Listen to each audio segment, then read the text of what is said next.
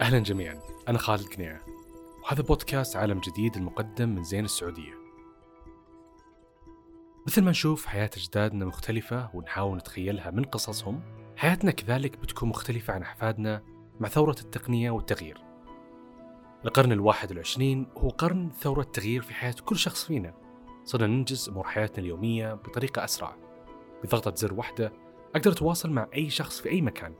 أقدر أتسوق وأنا في البيت. بضغطة زر واحدة العالم كله صار في مدينة. مستقبلا راح تختفي المدارس والجامعات والكتب المدرسية. هذه العبارة كانت افتتاحية حديث بيرنز المدير التنفيذي لشركة Blackboard المعروفة بنظام إدارة التعليم عن بعد. يقول أن التعليم التقليدي داخل الفصول الدراسية يخلي الطالب محدود المصادر لأنه بمجرد دخول الصف ينقطع عن العالم الخارجي. ممنوع من استخدام الانترنت. يكون متوجه لمكتبة المدرسة أو الجامعة فقط. وهالشيء ممكن يسير عملية التعليم باتجاه واحد. هو نجلس فقط على المقاعد ناخذ المعلومات من أستاذ المادة نطبقها نحفظها نتعلمها. بدل ما نستفيد من الانترنت ونوصل لمصادر أكبر ومعلومات أكثر وهذا اللي غيرت التكنولوجيا اليوم.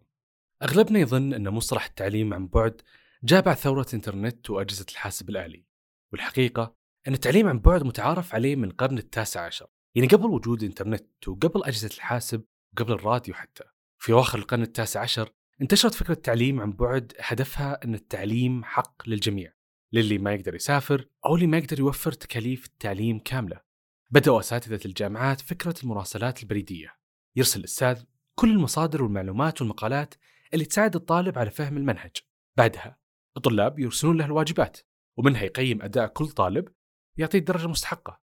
كثير عارض هذه الفكرة واعتبرها غير ناجحة وغير فعالة وأنها تحتاج تطوير. بالضبط هذا اللي حصل طورت الفكرة. ظهر الراديو وصاروا الأساتذة يبثون الشرح على ترددات الراديو. تطورت التقنية وصار في بث تلفزيوني وصارت الدروس تبث على التلفاز للطلاب بعدها جانا الإنترنت. وصلنا للفصول الافتراضية اللي قربت الطالب والمعلم وخلتهم متواجدين في وقت واحد وأماكن جغرافية مختلفة. مع طول هذا التاريخ لمفهوم التعليم عن بعد ما زال السؤال موجود. هل نقدر نثق في التعليم عن بعد؟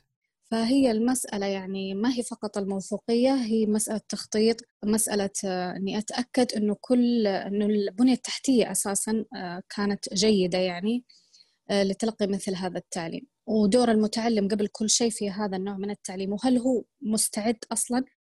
أنا الدكتورة تغريد عبد الفتاح الرحالي أستاذ مشارك تقنية التعليم في جامعة طيبة. خبير خبير معلم مايكروسوفت. نشرت عدد من الأبحاث العلمية في بعض المجلات العلمية المحكمة. قدمت عدد من الدورات التدريبية في عدة جهات يعني وطنية وبعضها داخل الجامعة.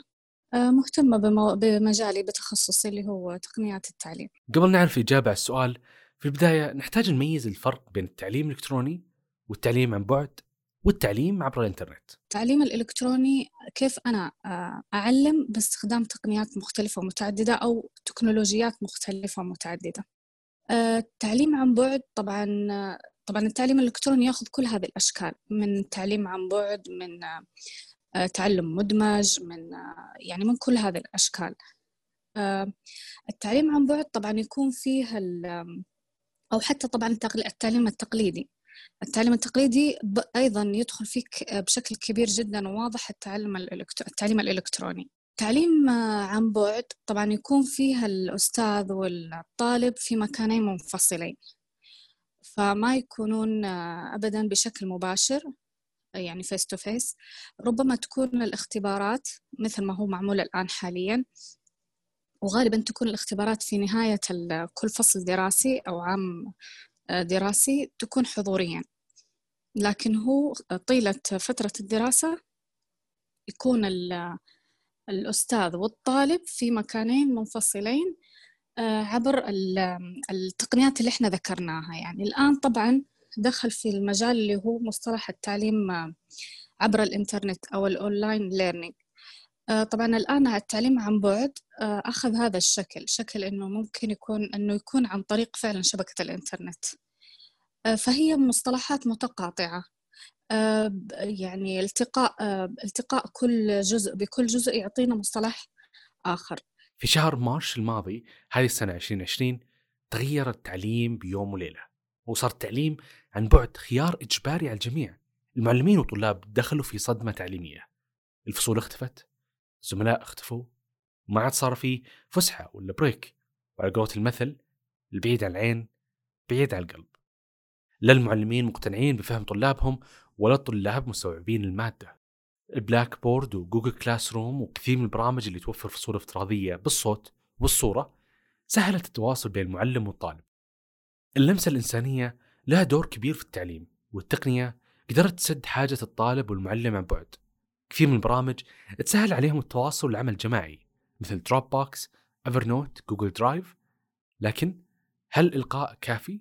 هو مثل ما تفضلت يعني اللي هو المشاركة بالصوت والصورة هذه مهمة بالنسبة للمعلم آه، أو حتى المتعلم. آه، كذلك أدوات القياس والتقويم هذه جدا مهمة. يعني أنا أعتقد أنه ما كل ما كانت اللي هي أدوات القياس والتقويم متنوعة ومختلفة ومستمرة يعني. المفروض يكون في قياس قبلي المفروض يكون فيه قياس تكويني أو بنائي إحنا نسميه اللي يكون داخل المحا... اللي هو الحصص أو أثناء الأسبوع الدراسي. وبعد كذا يكون فيه تقويم يعني ختامي. آه، وأشكال متنوعة. ممكن عن طريق اختبارات قصيرة. فهي ممكن المتع... المعلم آه، يعزز العملية هذه. عن طريق أدوات التق... أدوات القياس والتقويم المختلفة. فممكن يكون فيه مثل ما ذكرنا اللي هو أدوات التصويت ممكن اللي هي إحنا نسميها الروبريكا والسلالم التقدير اللفظية والعددية. آه، ممكن يعني في في أس يعني للأمانة أدوات تقويم مختلفة ومتنوعة. فممكن إنه يستفيد منها المعلم في آه، تجويد هذه النقطة. من الممكن التباعد الجغرافي ما بين المعلم والطالب يضعف التواصل وتبادل الآراء وإشراك الطالب في الصف. لكن التقنيات وفرت على المعلم أدوات سهلة يستخدمها في الصف الافتراضي مثل الاستبيانات عن طريق نماذج جوجل أو يستخدم أسلوب التصويت باستخدام برامج مثل Direct Poll ولا quiz. يعني إشراك ودمج المتعلم هذه نقطة جدا جوهرية. حتى ما يتحول المتعلم آه، يعني لمتلقي سلبي. في القاعة الصفية الافتراضية. فأنا كيف أشرك المتعلم؟ يعني المتعل يعني للأسف بعض مثلا يعني بعض حتى أعضاء التدريس ما هو فقط المعلمين آه، يعتقد أنه المحاضرة الافتراضية هذه مجرد آه، يعني تسجيل كذا مباشر يلقي آه، جميع المادة العلمية والطالب يتلقى. لا بالعكس المفروض أنه إحنا نشرك المتعلم في القاعة الافتراضية أكثر مما نشركه آه، في القاعة التقليدية. للأمانة كثير هي المكتسبات اللي تزامنت مع التحول الرقمي لقطاع التعليم عند المستفيدين هذا العام تحديدا. شاركونا تجاربكم. اكتبوها في قسم التعليقات راح أرد عليكم. أكثر قالب كان معروف سابقا في التعليم عن بعد هو الانتساب مقارنة بالبرنامج الحالي للتعليم عن بعد في المملكة. طبعا الانتساب برامج الانتساب أعتقد إنها تختلف تماما يعني عن البرامج اللي إحنا الآن يعني بنشهدها في التعليم عن بعد. يعني حسب ما أذكر إنه يعني قبل سنوات يعني طويلة إنه البرامج الانتساب كان أشبه ما تكون بالدراسة المنزلية. فكان المتعلم أو الطالب آه، يحضر مثلا لقاء أو أكثر في المؤسسة التعليمية. أو في الجامعة بمعنى أصح وياخذ المادة العلمية المراجع. بعد كذا يرجع لمقر الإقامة ويدرس حسب يعني قدرته وحسب وقته وحسب جهده. ليعاود مرة أخرى للجامعة حتى يختبر الاختبارات النهائية. فبرامج الانتساب يعني ما كان يلتقي فيها المتعلم مع المعلم أو مع الأستاذ. آه، بشكل دوري. أما الآن في التعليم عن بعد لا بالعكس الأستاذ متاح يعني هو حتى ممكن هذه تكون مسألة مرهقة أحيانا على عضو هيئة التدريس أو على المعلم. إنه يكون متاح آه، زي ما يقولون سبع أيام في 24 ساعة سبع أيام في الأسبوع. فممكن يتلقى بريد في أي لحظة ويرد عليه. ممكن إنه طبعا يكون في لقاء آه، بالنسبة للمحاضرات يعني كجامعة كانتساب أو كتعليم عن بعد. يكون في محاضرات أسبوعية مستمرة وتحت رقابة وتحت متابعة من الأقسام العلمية. فأنا أعتقد أنه التعليم عن بعد يعني أكثر أكثر جودة بكثير من برامج الانتساب. آه، طبعا بسبب استعانتها بالتعليم عبر الإنترنت وبكل, وبكل التقنيات المتاحة في هذا المجال. وهذا الفرق بين تجربتين من حيث التطبيق والجودة.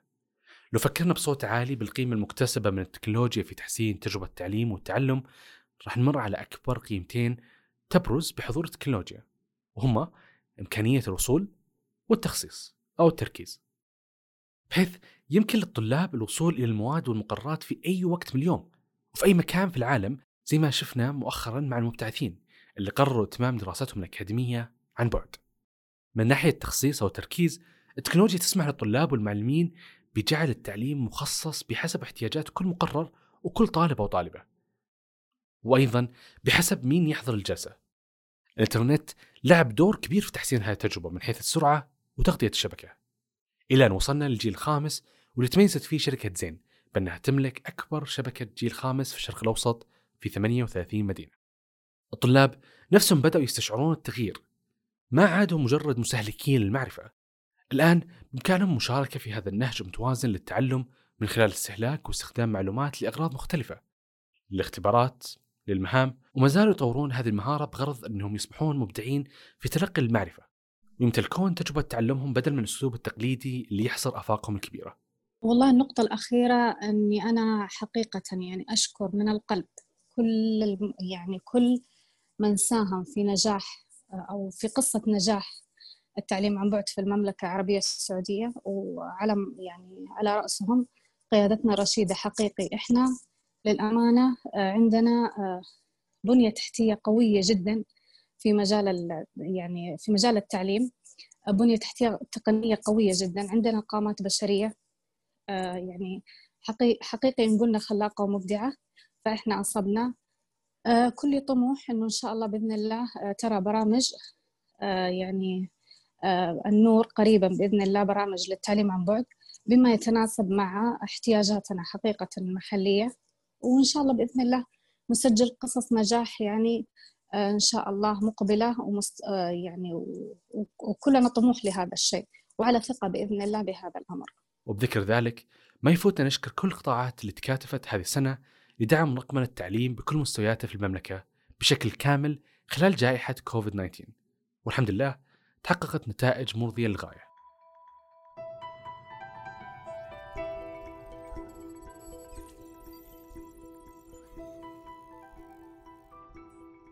سهولة الوصول للمحتوى التعليمي وتوفر تطبيقات وبرامج التواصل عن بعد والثورة الرقمية جميعها أشياء ساعدت على تحسين تجربة التعليم عن بعد لكن هل راح تختفي المدارس مستقبلا ونعتمد كلنا على التعليم عن بعد؟ شاركونا آراءكم في التعليقات وكيف تتصورون مستقبل هذه التقنية اللي غيرت من عالم البيانات راح نكون سعيدين بمشاركتكم الحلقة وتقييمكم للبودكاست كنت معكم أنا خالد قنيعة ويومكم سعيد.